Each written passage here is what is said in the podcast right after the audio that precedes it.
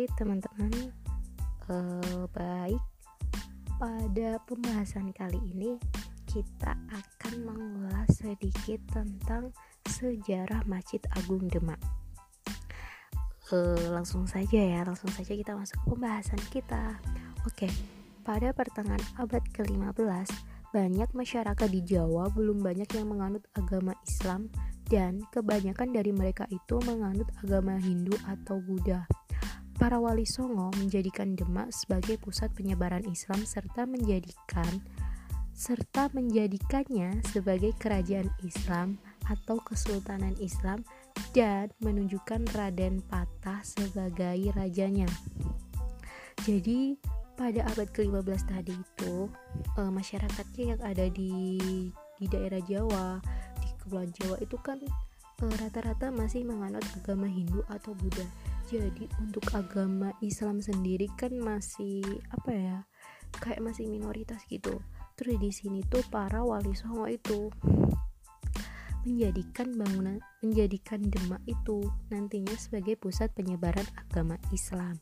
Nah, di sini Raden Patah itu ditunjuk sebagai raja atau sultan dari uh, kerajaan atau kesultanan Demak ini sendiri. Terus gini, e, pada suatu hari para wali songo itu berkumpul untuk membicarakan tentang penyiaran atau penyebaran agama Islam yang ada di Jawa. Nah, dalam kutipan tadi e, itu tuh menyatakan bahwa Masjid Agung Demak sendiri itu dibangun oleh para wali bersama-sama dalam waktu satu malam, yaitu malam Jumat Legi dalam tahun atau pada tahun 1428.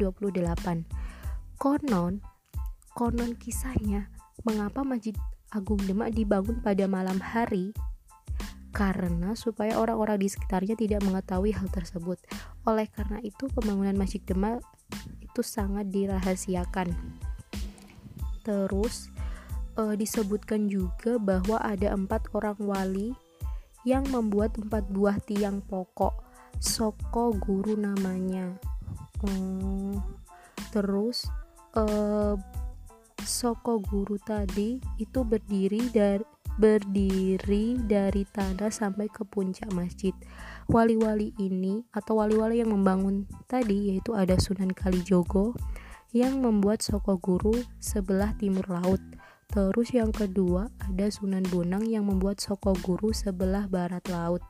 Yang ketiga ada Sunan Ampel yang membuat Soko Guru sebelah tenggara dan yang keempat yaitu Sunan Gunung Jati yang membuat Soko Guru sebelah barat daya.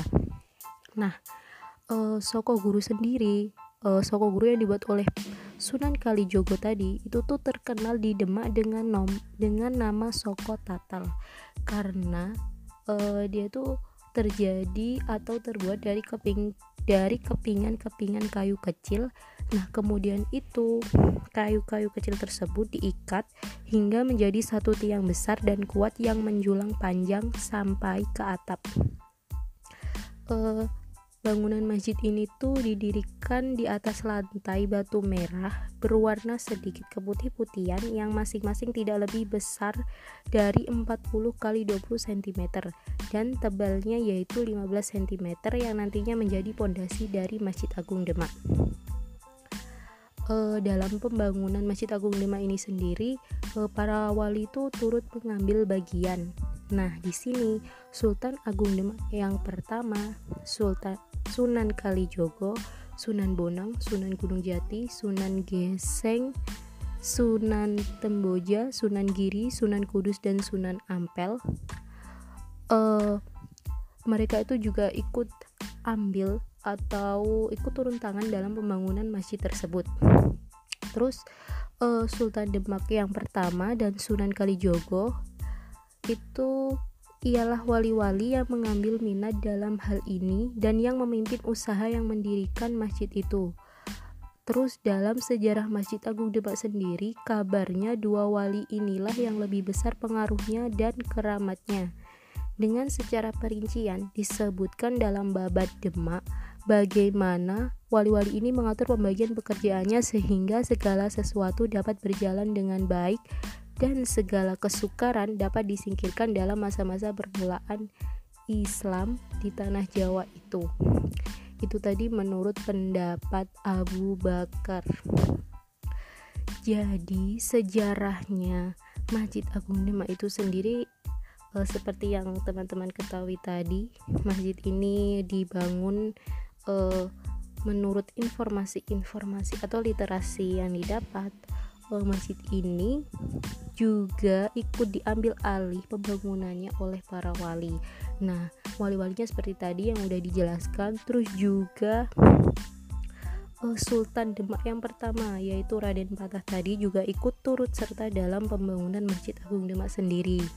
Nah, teman-teman udah tahu kan seperti apa sih awal mula Masjid Agung Demak ini uh, didirikan? Terus kenapa Masjid Agung Demak ini didirikan? Mungkin kalian udah ada gambaran ya. Uh, mungkin kalau teman-teman masih bingung teman-teman nanti bisa baca dan lihat-lihat uh, gambarnya atau informasinya itu yang lengkap yaitu ada di buletin. Sekian dari saya terima kasih